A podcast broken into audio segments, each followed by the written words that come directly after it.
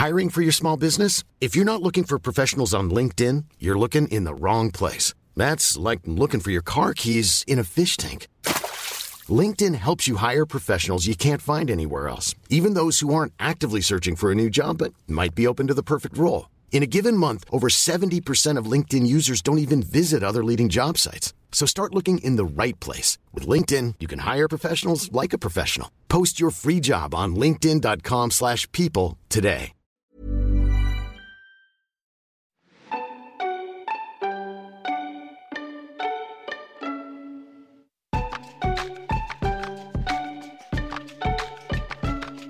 Välkommen ska det vara till Så blir det influencer med mig, Emil Norberg. En podd där jag som vanligt träffar några av Sveriges mest framgångsrika profiler för att ta reda på hur man egentligen gör för att bli just influencer. Idag har jag med mig min goda vän Johanna Berg som bland annat känns igen från Youtube-kanalen Johanna och Marcus. Den i sin tur är kanske mest känd för humorserien Tinder-dejterna som alltid hamnar på trendinglistan när det kommer nya avsnitt och som jag faktiskt varit med och regisserat. Under vårt samtal berättar Johanna om hur hon och Marcus har gått från att vara passiva Youtube-tittare som drömde om att själva våga göra innehåll till att bli några av Sveriges mäktigaste Youtubers. Dessutom avslöjar hon hur de gör för att få tiden att räcka både till att vara några av Sveriges mest produktiva influencers till att renovera en gård, ta hand om tre hundar och ett 30-tal hästar. Det blev ett otroligt bra samtal och eh, ja, det är väl egentligen bara att börja lyssna. Men innan det kommer en smäktande presentation. Mycket nöje! Johanna Berg är 28 år gammal, influencer och skådespelerska. Hon ligger bakom Youtube-kanalen Johanna och Marcus med cirka 97 000 prenumeranter som hon driver tillsammans med just Marcus Stenberg, hennes sambo. Hon har också 203 000 följare på TikTok, 41 000 följare på Instagram och ungefär lika många husdjur då i form av hundar, katter, hästar och fåglar. Slutligen är hon också gammal ryttare med flera medaljer från SM, NM och VM i bagaget. Och nu är hon här! Johanna Berg! Yay! Vad fint, vilken fin presentation. Kändes presentationen hyfsat eh, rättvis, eller? Ja, väldigt, väldigt trevligt. Tack för den. Du, en första fråga. Vad skulle du säga att du arbetar med? Nej, men jag skulle säga att jag jobbar med Youtube, sociala medier och eh, skådespeleri. Härligt! Vad är det roligaste med ditt jobb? Och det är nog att det är så himla kreativt och att eh, jag får göra mina drömmar, att jag får filma och jag får skådespela och skriva manus och det är det som jag verkligen älskar mest av allt faktiskt. Men hur kommer det sig att det här blev ditt jobb? Om det liksom är en passion, hur kunde det också bli ditt jobb? Ja, vad sjukt. Eh, Det har varit en väldigt, väldigt lång resa faktiskt. Det började med att jag gick i gymnasiet och såg William Spets på YouTube och var så här, gud det här är helt fantastiskt, gud vad jag verkligen vill också göra YouTube. Men så tog det några år innan jag faktiskt så vågade börja. Skulle du säga att det finns några myter eller missuppfattningar om ditt jobb? Eh, ja, det skulle nog vara att många inte kanske förstår att det är ett jobb. Att, så här, att redigering och skriva manus och hela den biten och planering av videos eller samarbeten, att det tar så himla mycket tid. Ibland kan folk tro att så, ja, ah, men vadå, det tar väl fem minuter att spela in en TikTok, men det gör ibland inte det. Speciellt inte om det är ett samarbete eller om man vill göra något mer avancerat. Det, det tar ganska mycket mer tid än vad folk tror.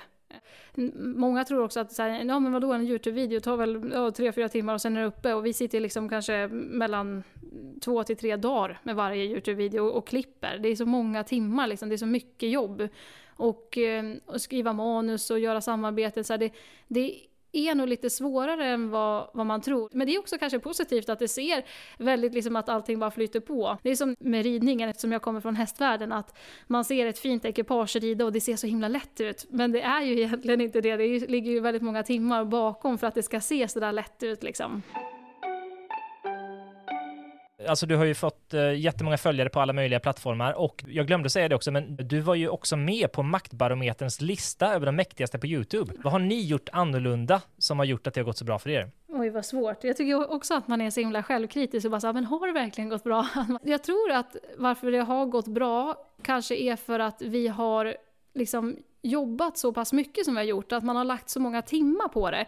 För då blir det ju verkligen att man utvecklas, man lär sig bara såhär, nej men det här funkade inte. Och, och så har vi, vi väldigt mycket så att vi analyserar, okej okay, vi la upp den här videon, var, varför gick inte den och bra, varför funkar inte det? Och hur var, hur var liksom innehållet i den här videon? Är det liksom dit vi ska? Eller du vet så här, vi diskuterar väldigt mycket och vi testar mycket olika. Så jag tror kanske att det är en jättebra grej om man till exempel vill börja med YouTube eller så testa och se vad som fäster och se varför det fäster. Liksom. Ja, och, eh, och med motgångar också. Så här, varför gick inte det här bra? Det kan ju vara så här också att man lägger ut en video, ibland kan det ju vara så tyvärr med YouTube att den videon som man är mest nöjd med, den får minst visningar. Men det kanske inte behöver betyda att videon i sig var dålig, utan det kanske var så här, det var en svår titel, det fanns ingenting som YouTube kunde matcha den med, den kanske inte föreslog den videon lika ofta. Kanske du gjorde en, en mukbang där du satt och åt och då var det tre andra YouTubers som var lite större än dig som hade gjort det och då halkade du med dem och, och la som förslag medan den här andra videon kanske inte det fanns någonting att matcha med. Så det, man, ibland när det händer saker också så kan oftast det finnas en anledning till det också och en anledning som ibland är väldigt svår att påverka. Så här, ibland kanske man måste också acceptera att så här, men den här videon fick inte så mycket visningar, men vi hade jätte, jättekul och vi utvecklades att ibland kanske man får göra videos som är för en egen skull också, och inte bara för visningar. För det kanske gör att ni kan göra bättre videos framöver, att ni har lärt er saker då under inspelningen och sådär. Mm, verkligen. Mm. Nej, men det, det, är det som är kul med YouTube också, att man får göra så mycket olika grejer och testa. Ibland går det jätte, jättebra och så ibland kanske man får lite bra tips eller feedback av tittarna. Så det är så här, man lär sig hela tiden och lika när det går dåligt också. Så man, man måste våga kasta sig ut och det är så med sociala medier, det kommer gå upp och ner och det är okej att det gör det. Men precis, ni, ni, jobbar ju väldigt hårt, det ser ju jag som känner er. Men jag har också märkt att ni har också ofta gäster med i klippen. Mm. Vad har du för tankar kring det? det tycker jag är verkligen för att man ska samarbeta och göra collabs. Dels för att man lär sig jättemycket av varandra och det är väldigt kul som till exempel vi som skådespelare, att man kanske inte bara skådespelar mot sig själv och gör den formen av effekten i videon utan att man faktiskt får någon fysisk att skådespela mot. Men sen är det ju jättebra också att man kan dela på varandras kanaler och hjälpa varandra jag tänker att man kan nog hjälpa varandra mycket mer än vad man tror. Ser jag ett roligt klipp på på Instagram, vad kostar det mig att faktiskt dela det på story om jag tyckte det var jätteroligt och kanske kan hjälpa en person. Alltså jag, jag tycker att man mer ska hjälpa varandra och för våran kanal skull så har det ju varit fantastiskt roligt att få ha gästskådespeleri eller collabs, eh, vad man nu säger. Dels för att vi har haft väldigt kul, men också att man får hjälp att dra trafik till varandras kanaler. Jag, jag tycker det är ett fantastiskt samarbete. Jag kommer ihåg redan när vi började med YouTube och vi hade liksom så här kanske 5000 prenumeranter, att jag då typ gjorde min första eh, collab med en tjej som hade, jag tror hon hade kanske 9000 eller någonting som var lite större. Om man har en kanal och vill göra samarbete så kan man tänka på det att man kanske börjar och hitta likasinnande där man är just nu. Har man 5000 prenumeranter kan det vara svårt att skriva till någon som kanske har 100 Så att den personen får jättemycket förfrågningar, har jättemycket. Börja med att hitta folk som är lika där man är själv, för då finns det ju chans att man kan utveckla och hjälpa varandra.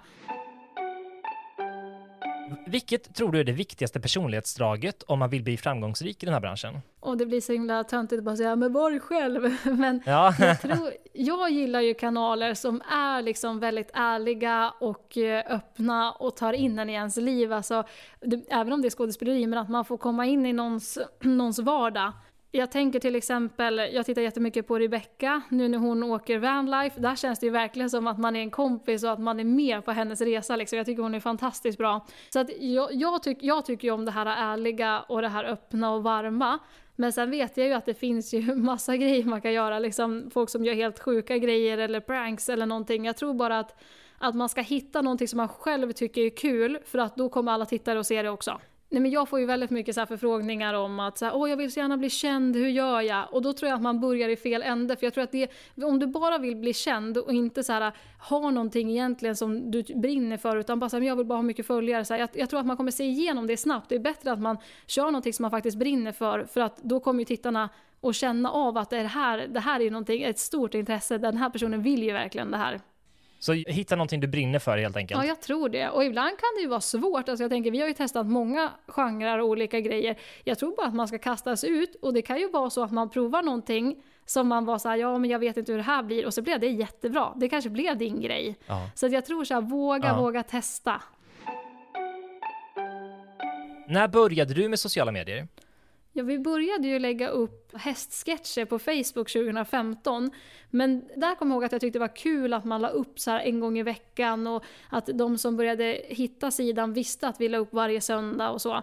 Så jag vet inte om den är den mer seriösa satsningen vi gjorde, för då la vi i flera månader faktiskt la vi upp liksom ett klipp varje söndag liksom. Så det, det kanske var då då.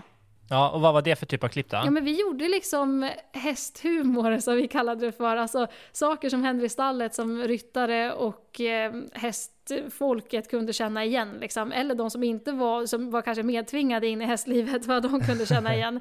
Så det var mycket igenkänningshumor. Okej, men då, då, började ni göra humorsketcher på nätet helt ja, enkelt? På Facebook. Och sen kom YouTube, eller? Ja, precis. Och det här är så himla kul. När vi började, vi började göra Facebook-sketcher då, då skrev jag till eh, det här YouTube-nätverket eh, United Screens som nu heter We Are Era. Och jag skrev till dem så att ja, vi, ska, vi har den här Facebook-sidan och vi ska starta en YouTube-kanal och vi vill jättegärna bli signade av er och vi tror att vi skulle passa skitbra. Du vet så här, inte kaxigt men ganska bestämt så här, men vi tror att vi kommer göra jättebra på YouTube. Och det var så sjukt hur man, så här, det var liksom innan vi ens hade börjat med YouTube att man bara, vi ska vara med i det här nätverket och det blir skitkul liksom.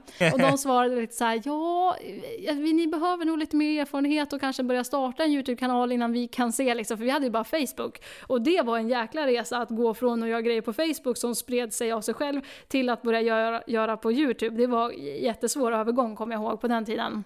Det är helt olika algoritmer. Och till exempel om du länkar ett YouTube-klipp på Facebook så får inte den alls samma spridning som om du bäddar in ett klipp på Facebook. Liksom. Så det var, det var jättetuff eh, övergång. Hur kändes det då? Ja men det var svårt för där var man van så att vi fick några tusen eh, likes och vi fick några tusen visningar och sen kom man till YouTube och där var det så här, det var svårt att få 500 visningar. Men efter ett tag så fick vi ju jättebra visningar, då släppte det upp lite grann alltså för att vara den tiden och få vara nybörjare. Men sen så kom vi till insikten och bara så här, men gud, vi vill ju inte bara göra hästgrejer. Jag vill ju skådespel och jag har ju massa andra idéer också. Och då startade vi kanalen som först bara hette Hanna Berg, så då började vi lägga upp vanliga klipp på den. Och på den tiden var Marcus Marcus lite mer bakom kameran. Idag är han ju lite mer framför liksom. Men då började vi så. Och när började liksom det ta fart på riktigt på sociala medier? Ja? Jag kommer ihåg så här, ett starkt minne var när vi var små på Youtube och så gjorde vi en collab med den här tjejen som hade, när vi hade 5000 prenumeranter, hon kanske hade 9. Jag kommer ihåg när vi gjorde vår första collab, då kommer jag ihåg att jag satt på bussen och då så kommer jag ihåg hur det bara så trillade in massa kommentarer, flera tusen visningar. Då kände jag så här, shit, det, här, det var liksom första gången. Det var jättekul. Och det var så kul för jag hittade ett gammalt sms jag hade skrivit till Marcus. Jag bara, åh, videon fick 720 visningar, de verkar verkligen gilla den här videon. Du vet, så här, man, idag så är det på ett annat sätt liksom. Jag, jag kan gilla att tänka tillbaka på de stunderna liksom, hur mycket man har kämpat eh, med liksom Youtube och det är så fantastiskt att man får jobba med det. Jag, det är liksom det roligaste jobbet jag har haft, jag är så lycklig liksom. Men när det började ta fart sådär, det, ja det var nog när vi liksom började lägga upp kontinuerligt. Vi, vi började dra in pengar redan kanske efter ett och ett halvt år och då jobbade jag på en eh, mataffär och, och jag pluggade mm. eh, filmproduktion måndag till fredag. Och så jobbade jag på den affären på helgerna och då så sa Marcus att nej men nu, nu kan du säga upp dig från de passen för att nu drar ju Youtube in ungefär samma vad du tjänar på dem. Så då tyckte han att då lägger vi hellre tiden på det. Så det var också, det, var, det kommer jag ihåg var en sån jättestor grej faktiskt. Många jag har pratat med berättar att, att någonting hände och så rasade in prenumeranter och det liksom blir ganska tydligt att efter den här videon så blev jag en youtuber så att säga. Mm. Fanns det något sånt ögonblick? Eller var det de här som du nämnde nu? Nej, det var nog faktiskt för att jag, jag pluggade teater två år och, och Marcus pluggade animering då. Och då gick det jättesegt den hösten och då sa vi bara så fasiken nu, nu är det svårt liksom med YouTube. Och så sa vi så här, men antingen nu så lägger vi upp lite grann när vi vill. Eller så gör vi varje helg när vi inte har skola så gör vi att vi lägger upp två gånger i veckan och bara kör. Och då på något sätt så vände det. För det är ju så när man håller på med, med de här jäkla algoritmerna som vi pratar om, desto mer du är aktiv, desto mer får du tillbaka. Så att när vi helt plötsligt började lägga två gånger i veckan, då började det liksom komma in såna 20 000 och 30 000 visningar. Då började det rulla på. Och då gjorde vi de här väldigt mycket så olika typer videos som folk kände igen sig i jättemycket. Jag gjorde en typ så olika typer av barn och den sprang iväg jättemycket. Jag tror att den typ har över 300 000 visningar. Och då fortsatte vi på det temat och då liksom släppte det jättemycket kommer jag ihåg. Och då var första gången vi fick började få in samarbeten och sådär. Så att det var nog där, den tiden när jag, från att gå från en video i veckan till två gånger liksom. Så lite, lite oftare nya videos och eh, lite tydliga serier liksom? Exakt. Då började det ta fart helt enkelt? Ja, då tog det väldigt mycket fart faktiskt. Har du kunnat eh, återanvända det som ett framgångsrecept nu också, eller? Ja, grejen var att de serierna vi gjorde då blev jättepopulära. Men sen när jag och Marcus hade pluggat klart, då var faktiskt första gången i våra liv där vi fick göra YouTube på heltid. Och det var sommaren 2020 och då fortsatte vi göra sketcher och sådana grejer. Men vi gjorde även andra grejer och då var första gången det blev så här wow-effekt för att då fick vi för första gången jobba typ tre månader heltid med YouTube. Det var då vi gjorde första säsongen av Tinder-dejterna också. Och då kommer jag ihåg så att sommaren, eller juli 2020, då hade vi två och en halv miljon visningar den månaden. Då släppte det ännu mer lite grann och, och och då tog vi nytta av allt vi hade lärt oss under tiden vi hade pluggat, att så här, de serierna, men vi gjorde också nya grejer. Och jag tror att det var lite också konceptet att man inte bara gör samma år in och år ut, att man försöker, även om det är svårt med förnya sig och kanske testa någon gång en ny grej. Även fast den kanske får mindre visningar så är det jättebra att kasta sig ut, för jag tror vissa av dina tittare kommer uppskatta att du gör någonting nytt också. Eh, på tal om tittarna då, har du koll på vilken kanalens målgrupp är? Ja, det kan man ju se inne på Youtube Studio. Mm. Och Johanna berättar att de från början hade väldigt många unga tittare på kanalen, men att de medvetet har arbetat med att låta innehållet mogna i takt med att tittarna blir äldre. Och det kan faktiskt vara en smart strategi att växa med sin publik. Om jag tittar på mina videos för tre år sedan så pratade jag på ett visst sätt som att jag var väldigt barnig i sättet. Nu är jag ju med mig själv i videosarna och så här, jag behöver inte anpassa mig. För det är också så här när man har haft mycket barntittare, de växer ju också upp så att man inte är kvar i att bara göra liksom eh, videos för, för folk som är min, alltså yngre liksom. Så då blev det lite kanske mognare och jag tror att bara en sån grej, hur man pratar, att det kan göra att man växer liksom. Att man måste hänga med på att all tiden går vidare om man växer. Så vi skulle nog faktiskt kunna bli lite bättre av det. Göra kanske, kanske lite bredare content eller så. Men okej, okay, eh, målgruppen, den har du ändå koll på. Har du någon uppfattning om vilka som är era största konkurrenter? Gud, jag, vet du vad? Jag ser ju verkligen inte YouTube som konkurrenter. För jag kommer ju egentligen från så här, då skådespelerivärlden. Då är det konkurrens för att det finns fem stycken kvar som provfilmar om en och samma roll och det finns bara en. Eller lika när jag har tävlat med hästar, det är en som kan vinna liksom. Det är det jag tycker är så fint med YouTube för att det funkar inte på det sättet. Här är det bara så att man får hoppas att man har algoritmerna med sig, att man exponeras mycket och att folk väljer att titta in på ens videos. Ja, jag vet inte, kanske lite luddigt svar, men ni kanske fattar vad jag menar. Nu för tiden så jobbar både du och Marcus bara med det här och då undrar man ju, hur tjänar ni pengar? Mm. Man kan ju tjäna pengar på lite olika sätt när man håller på med sociala medier. Dels så är det ju de här AdSense som man får, som är när man lägger upp eh, eh, videos som blir godkända så kommer det ju upp annonser, de här som folk eh, kan hoppa över eller de här bumpersna som kommer upp och lite de annonserna. Dels så tjänar vi pengar på dem. Det som är viktigt där är att man har bra snitttid. Om du har gjort en video som är 10 minuter och du har en snitttid på en minut så kommer du inte tjäna så mycket pengar på den själva adsensen.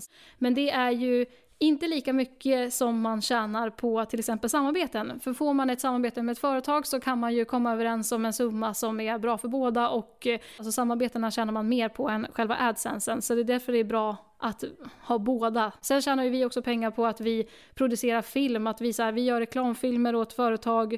Jag skådespelar och får uppdrag på det sättet. Marcus hoppar ibland in på ett produktionsbolag och klipper lite extra. Så att för oss är det ganska brett. Hur ofta lägger ni ut innehåll? Ja, nu har ju det varit lite kaos eftersom vi är mitt i flytt och vi har skaffat tre hundar. Och eh, jag hade corona för några månader sedan och då blev det typ lite paus. Men vi, vi ska alltid lägga upp en gång i veckan, men vi vill faktiskt lägga upp mer.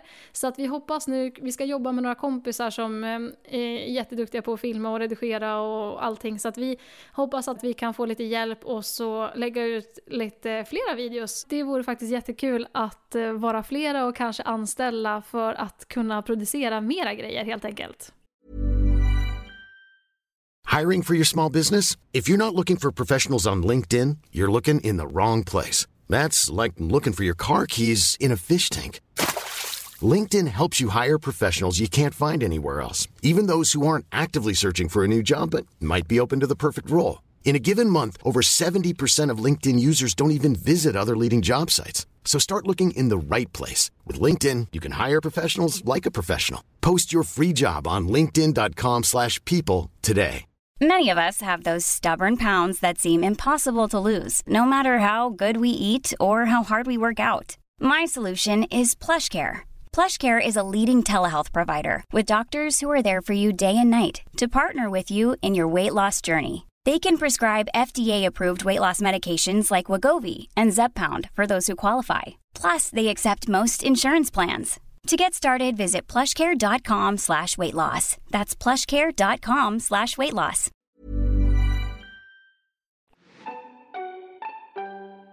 Ni har ju Youtube-kanalen, men eh, ni har ju också flera andra plattformar, TikTok och Instagram. Hur tänker du där? Lägger man ut samma innehåll på alla plattformar eller skräddarsyr man för de olika? Eller vad finns det liksom för tankar kring det? Just det, det där är ju faktiskt en jättebra fråga. Men det jag har märkt, det är att visst kan det vara jättebra att använda samma innehåll, att man klipper ut en del utav videon från sin YouTube-video och lägger upp på TikTok. Men av egen erfarenhet så går de oftast inte lika bra. Dels för att det kanske är filmat i ett annat format, plus att det är som, vad jag fått känslan av i alla fall, varje sociala medier vill ju pusha sina egna grejer. Jag vet inte om ni som lyssnar på det här har tänkt på det, men om ni till exempel delar en länk på Facebook som är från YouTube så får ju Ja. den oftast väldigt lite engagemang liksom. Ja, de känner av, de är listiga, de där apparna. ja exakt, de vill ju att du ska prioritera så mycket tid som möjligt på just den appen där du är, inte att du ska skicka vidare till en annan app liksom. Det är ju konkurrens så tror jag. Så att om TikTok till exempel har en trend och du använder det ljudet så kommer det att prioriteras mot en YouTube-video som, som du sen klipper ihop. Jag får nog bara känslan av att den märker av att det här är inte en original TikTok-grej. För Mm. förut när, när min TikTok gick som bäst, då pluggade jag och gjorde TikTok med kompisar på min teaterutbildning och då, då filmade vi bara rakt av som det var i appen och då gick det jättebra. Så att jag, jag tror att det kan, ibland kan man säkert absolut kombinera och det finns säkert jättemånga duktiga som lyckas med det. Men jag tänker så här, vill man bli stor på en kanal, då tror jag att man ska göra, till exempel på TikTok, gör TikTok-trenderna, gör det i TikTok-format. Men det är olika också, jag har sett vissa andra som lyckas också, men för, för våran del så tror jag det skulle vara bra om man gjorde olika content egentligen på både Instagram, TikTok och YouTube och gör det som man vill göra på just den appen. För till exempel TikTok har ju väldigt mycket roliga effekter och de har mycket grejer som är för just TikTok. Men så att man tänker då att nu, nu ska vi spela in och då ska vi göra Mm. den här grejen till YouTube och den här grejen till TikTok som man gör då speciellt med det syftet liksom. Exakt. Det låter jättesmart. Och jag tror till exempel om jag hade fått välja om, eller, så här, eller tänkt om, så hade jag gjort så när vi spelade in Tinder tillsammans. Då hade jag nog kanske hittat ett roligt ljud eller en dans eller någon trend och så hade jag gjort den eh, med Tinder-gänget och sen lagt ut den sen. Alltså så här, jag tror det hade kanske gett mer än att klippa ut ett felaktigt format och försöka klippa ihop den. Att så här, tror, Jag tror faktiskt att det är bättre. Vilken är din viktigaste kanal tycker du? Alltså vi lägger ju allt fokus på, på YouTube. Sen tycker jag det är jättekul med Instagram och stories och sådär, men YouTube är ju den som tar mest tid och den vi kanske prioriterar mest. Varför är det, känns det som att YouTube är den viktigaste?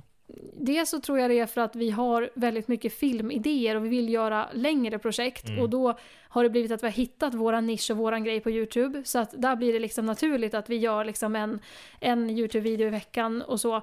Medan Instagram, där kan det någon gång ha gått så åh nu har jag inte lagt upp någonting på en vecka, liksom att den blir lite mindre prioriterad. Men jag skulle ju tycka att det var kul att prioritera alla. Men just nu har vi bara inte hunnit. Så därför blir väl YouTube det viktigaste. Den har alltid varit den vi prioriterar mest liksom. Och om man tittar på det, liksom, till exempel om någon i Sverige är jätte, jättestor på, på Instagram eller på TikTok framförallt, då har den oftast bara en kanal. Det är ganska svårt om man inte lägger upp exakt samma på alla tre. Men jag har inte sett någon som är sådär alltså, superaktiv som hinner med alla tre, för jag tror att det är ganska svårt. Det, det tror jag. Och det, det är det här vi pratar om också, att folk inte tror att det tar så mycket tid. Så här, ja men vadå, lite Instagram-grejer, det väl bara slänga upp någonting. Men de här som är stora har ju ofta så ett, ett, ett schema och bara så här, men på måndag ska jag lägga upp det här och på tisdag ska ska köra en frågestund. Alltså det är mer planering bakom än vad man tror. Sen finns det säkert många som är jättespontana och klarar av det också, men jag tror fortfarande att det är mer jobb än vad man tänker med Instagram. För jag har tänkt så här, vadå, vi ska bara fota ett samarbete, det går jättefort och så har man gjort det i tre timmar liksom. Det är samma sak när man spelar in en casting eller ett self-tape. Ja men vadå, det är tio repliker, det gör jag jättesnabbt och så blir man inte nöjd och så ska man ta från en annan vinkel, så ska man göra om och så har man gjort det flera timmar. Det, det tar så mycket längre tid än vad man tror alltså. Vad skulle du säga att du lägger större delen av din arbetsdag på? Jag lägger mycket tid på YouTube. Eh, skriva manus, komma på idéer, gå igenom idéer, svara på mail. Ja, det, det, är väl egentligen YouTube som tar upp mesta av min tid på dagarna. Och eh, sen kan det ibland vara så spontana grejer som händer. Att man får in ett nytt samarbete, jag får in en casting, du vet så här. Det kommer in grejer så att det är väl Ah, det är svårt att säga, men jag, jag skulle säga att det är mesta tiden är nog att skriva manus, eh, svara på mail, gå igenom idéer, planera för framtida projekt, eh, styra upp saker. Eh, och liksom klippa och redigera och den delen. Just nu så har vi delat upp det att Marcus har klippt eh, väldigt mycket sista tiden och jag har suttit och skrivit mycket för vi har lite stora hemliga projekt på gång så att jag har hållit på med det en månad nu och då har jag haft lite mindre tid för att klippa. Så att då har det blivit att jag har suttit och skrivit så himla mycket. Även om mm. Marcus också tycker att det är kul att skriva och han är duktig på, på det så och jag kan också redigera att det så här, vi har fått dela upp det lite sista tiden men i vanliga fall så kanske vi klipper en video i veckan har det varit. Men nu har vi faktiskt haft tur och haft eh, eh, två killar som har börjat hjälpa oss att klippa lite grann så då har jag faktiskt fått fokusera på skrivandet. Så det har, det har varit jätte, jättekul. Mm. När på dygnet får du jobbet gjort?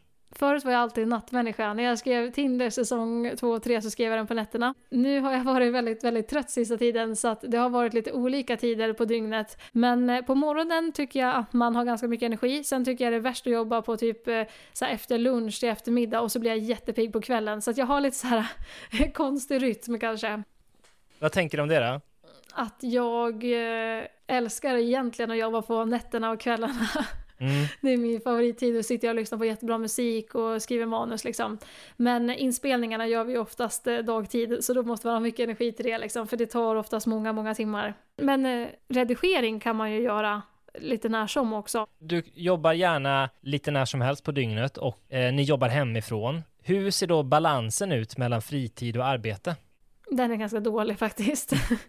det är ju så när man driver eget företag, då finns det ingen som säger så här, nej nu har du jobbat för mycket, ta en paus. Så det är också därför man lätt blir utarbetad, för att man sitter lite hela tiden. Eller så har man ett jättestort projekt igång och då, då som när vi filmade Tinder, att man håller på så här, har så här 15 timmars dagar eller liksom vad man nu alltså gör, att det är så här stora grejer, så vilar man mindre. Så att det är både positivt och negativt. Att positiva är att du kan styra din tid, men negativa är väl att när det är bara du som är din egen chef så vill du gärna jobba och lägga all tid på det. Känns det som ett jobbigt att ha det så, eller är det bra? Både och. Jag tror att eh, det är väldigt lätt att man jobbar för mycket. Och samtidigt så är det skönt för att du inte är fast. jag tänkte på jag som har jobbat fem år på matbutik. Då var det så här, ja, men om jag fick en inspelning eller kände att det är så här, hej kan du komma och säga tio repliker imorgon? Det var ett helvete att försöka få ledigt då. Mm. Då var det så här, hur, hur, ska jag kunna gå och säga det till min chef liksom? Ja. Så att på det sättet älskar jag att vara frilansare för jag kan lägga upp det hela tiden. Men sen måste man vara rädd om sin hälsa för att när du tycker att någonting är kul, då kan du jobba hur mycket som helst med det och du märker kanske inte av det i stunden, men när projektet är klart, då är du helt död. Man har ingen energi kvar och då kan det bli ganska läskigt faktiskt. Så en balans måste man hitta. Det är viktigt. Och ta hand om sig själv och nu går vi på massa promenader tack och lov för att vi har hundar. Men att man sitter och bara vill få saker och ting klart så att det blir så här, nej men jag hinner inte gå till gymmet idag, jag hinner inte träna idag, jag hinner inte ställa mig och laga mat för jag måste göra det här och det här. Att man då hittar en balans att, ja men jag har gjort matlådor, jag tar promenader med hundarna, sen den här tiden får jag bestämma att, nej men nu gör inte jag något mer idag, jag kan inte sitta vid datorn hela tiden oavsett om jag sitter och redigerar eller skriver manus eller eh, håller på med något stort projekt. Du måste mm. ta pauser liksom. Men det är så kul! ja, ja, precis. Ja. Men det är som du säger, man kan slita ut sig på roliga grejer också. Verkligen. Ni får ju väldigt mycket gjort, tycker jag, som ser när ni lägger upp. Har ni något produktivitetshack, liksom? Hur man lyckas få saker gjort? Ja, det där brukar jag få höra ofta och jag blir väldigt glad, tack så mycket för det. Mm. Ehm, men jag skulle nog bara säga, alltså vi tar tag i saker. Så här, nu har Marcus kommit på en ny humorserie och jag bara, men det är klart vi ska göra den, vi gör den i sommar. För att ibland kan det bli så, så här, när man pratar med folk att så här, åh jag har en idé och åh jag vet inte riktigt hur jag ska göra det här eller åh det är svårt med det här, åh jag, jag har inte tid. Eller så här. Jag tror bara så här, kör bara. Om du känner så här, fan det här är en idé som jag älskar och jag vill göra den, kör, ta tag i det och bara gör. Okej. Okay. Men då tänker ni kanske, allt det här låter ju kanon. Men när ska man hinna göra allt det där? Alltså man har ju fullt upp hela tiden med jobb, skola, laga mat, städa och scrolla sönder tummarna på TikTok. Så när ska man egentligen hinna göra eget content? Jag tror att man kan hitta lite småluckor. Säg att du har ett vanligt jobb som jag hade förut, att jag kanske jobbar från klockan sex till klockan fyra. Då kunde jag på lunchen ha snappat upp lite grejer och så skriver jag jämt i min så här anteckning, anteckningar på mobilen. Och då blir det lite lättare sen när du ska sätta dig och skriva för då kanske du har lite stödpunkter. Så säg att du är på väg hem från jobbet och så kommer du på någonting och så tänker jag men där kommer jag ihåg, jag skriver upp det sen. Nej, skriv upp det på en gång. Och så sätter du ner och så tar du lite tid när du har där och, liksom, där och var och så börjar du skriva liksom. För ibland kan det vara att man sätter sig och ska skriva ett manus och jag vet inte exakt vad som ska hända. Men när du väl börjar, då kan det bara släppa också. Så jag tror att har man ett vanligt jobb men vill jobba med, kanske drömmer om att starta en YouTube-kanal eller skriva en serie eller någonting. Skriv lite grann hela tiden när du hittar de här grejerna. Och är det så att du har en kanal och vill ta fram en serie så tror jag bara såhär, ja men ge dig fan på det och kör bara. För att ibland kan det bli att man sitter med handbromsen i och typ såhär, fan jag hade behövt pengar för att göra det här eller jag hade behövt söka det här och då, är det, då pratar vi att det är flera, då är det ett halvår, då är det flera månader eller ett år bort. Så jag tänker såhär, påbörja lite grann, kanske skriva om. Försök hitta lösningar, jag, jag tror att det är det vi gör. Jag, jag och Marcus analyserar väldigt mycket. Men okej, vi ville ha det här, nu har vi inte råd med det. Kan det vara det här istället? Du kanske inte behöver ha en värstingbil, du kanske kan låna din kompis som har en fin bil så kommer du undan lite gratis. Alltså, ja men det kanske blir skitbra, det kanske blir, till och med blir ännu roligare. Så att lås dig inte när saker och ting skiter sig utan hitta liksom lösningar, var lösningsfokuserad. Man känner ju verkligen igen det där, hur man hittar skäl till att inte göra saker nu. Liksom. Exakt, det, exakt. Ja. Och det där inte nu, nej men när ska vi göra det då? Ibland kan jag känna så här, åh nu har jag fått en jättebra idé, och bara gud jag vill vänta tills jag har mer av det här och mer av det här. Men tänk om inte mer av det där kommer. Det kommer bli bra, så kör bara. Men du, så här avslutningsvis då. Vad skulle du ge för råd till någon som vill börja med sociala medier eller försörja sig som influencer i den här branschen? Jag skulle göra så att jag skrev en lista på kanske tio idéer som jag mm. kände så här, gud vad kul det här skulle vara att testa och göra. Och så skulle jag spela in de tio så att jag hade lite eh, uppbunkring. Och sen skulle jag släppa kontinuerligt en gång i veckan så att tittarna kunde förvänta sig någonting. Att man redan sa då så här, om du släpper en video den där onsdagen så säger du i den videon att ja, nästa onsdag då kommer det här och då kommer jag prata om det här. För det vet du redan för du har redan spelat in det. Just så att jag tänker att vara engagerad med de som förhoppningsvis kommer titta på dina videos och förklara vad du ska göra så att de vet. Så gör en lista och eh, bunkra gärna upp och sen släpp liksom. För att det kan, det kan vara jättesvårt om man har en jättebra videoidé, gör en, en video, släpper den direkt. Sen hamnade det jättemycket jobb eller fick idétorka och så blir det liksom en månad tills det blir nästa gång. För att jag mm. har bara fått erfarenhet att desto mer du lägger upp på sidorna, desto mer algoritmer du får dem med dig, desto mer kommer du pushas liksom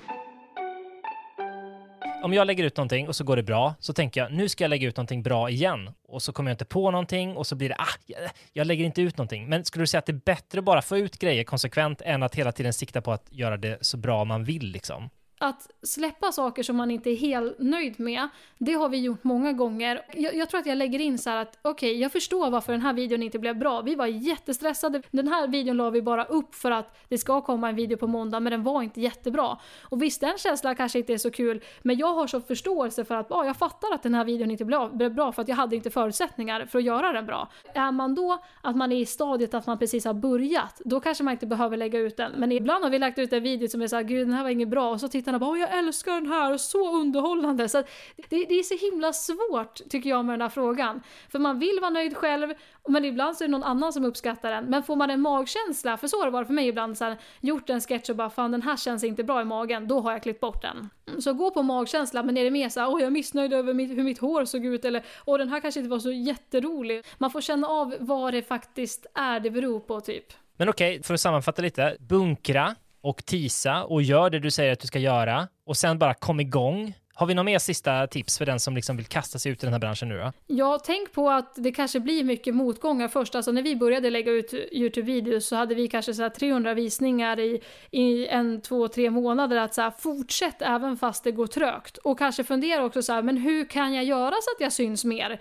Kan jag kanske göra en video med en kompis? För då kanske den kompisen delar och då får den kretsen få se den. Att man funderar så här, hur kan jag göra för att jag ska nå ut till flera? Kanske det händer någonting i, i Sverige som är jätteaktuellt som alla pratar om, ja men då kanske jag också lägger min åsikt i det och så sprids det lite av sig själv. Att man kanske accepterar att så här, det kommer inte alltid gå bra, för det gör det inte även för de som är stora. Men sen också fundera på hur kan det här få mer spridning? Jag kanske gör ett mer aktuellt ämne, för det jag pratade om här, det kanske ingen annan var intresserad av. Men jag tror bara så här, hitta vad det är som gör kanske att det inte sprids. Nej men jättebra, men framförallt så känner jag nu att jag blir väldigt inspirerad av det här att bara gör. Fundera inte på vad du behöver för att börja, utan bara, bara gör det. Precis, för när man väl bara gör det så föds det jättemycket grejer på plats. För sen är det så här, du behöver ju inte lägga ut någonting, prova en gång och så kan du se, så kanske det blev bättre än förväntat eller så känner du så här, nej men jag vill utveckla det här. Det, det, du är din egna chef liksom, det är du som bestämmer vad du lägger upp och, och vad som händer liksom med klippet. Ja, otroligt inspirerande. Nu har vi kommit fram till slutet. Ja, vad ehm. roligt det var. Kul, ja. att, kul att snacka lite. Jag älskar ju YouTube och sådär, så att det, det var kul. Men du, om lyssnarna nu vill, vill se mer och höra mer av dig och av Marcus, var hittar man er då? Man kan hitta oss på YouTube, Instagram och TikTok. Johanna Marcus eller Berg Johanna. Tusen mm. tack igen. Ha det nu så underbart bra. Tack snälla.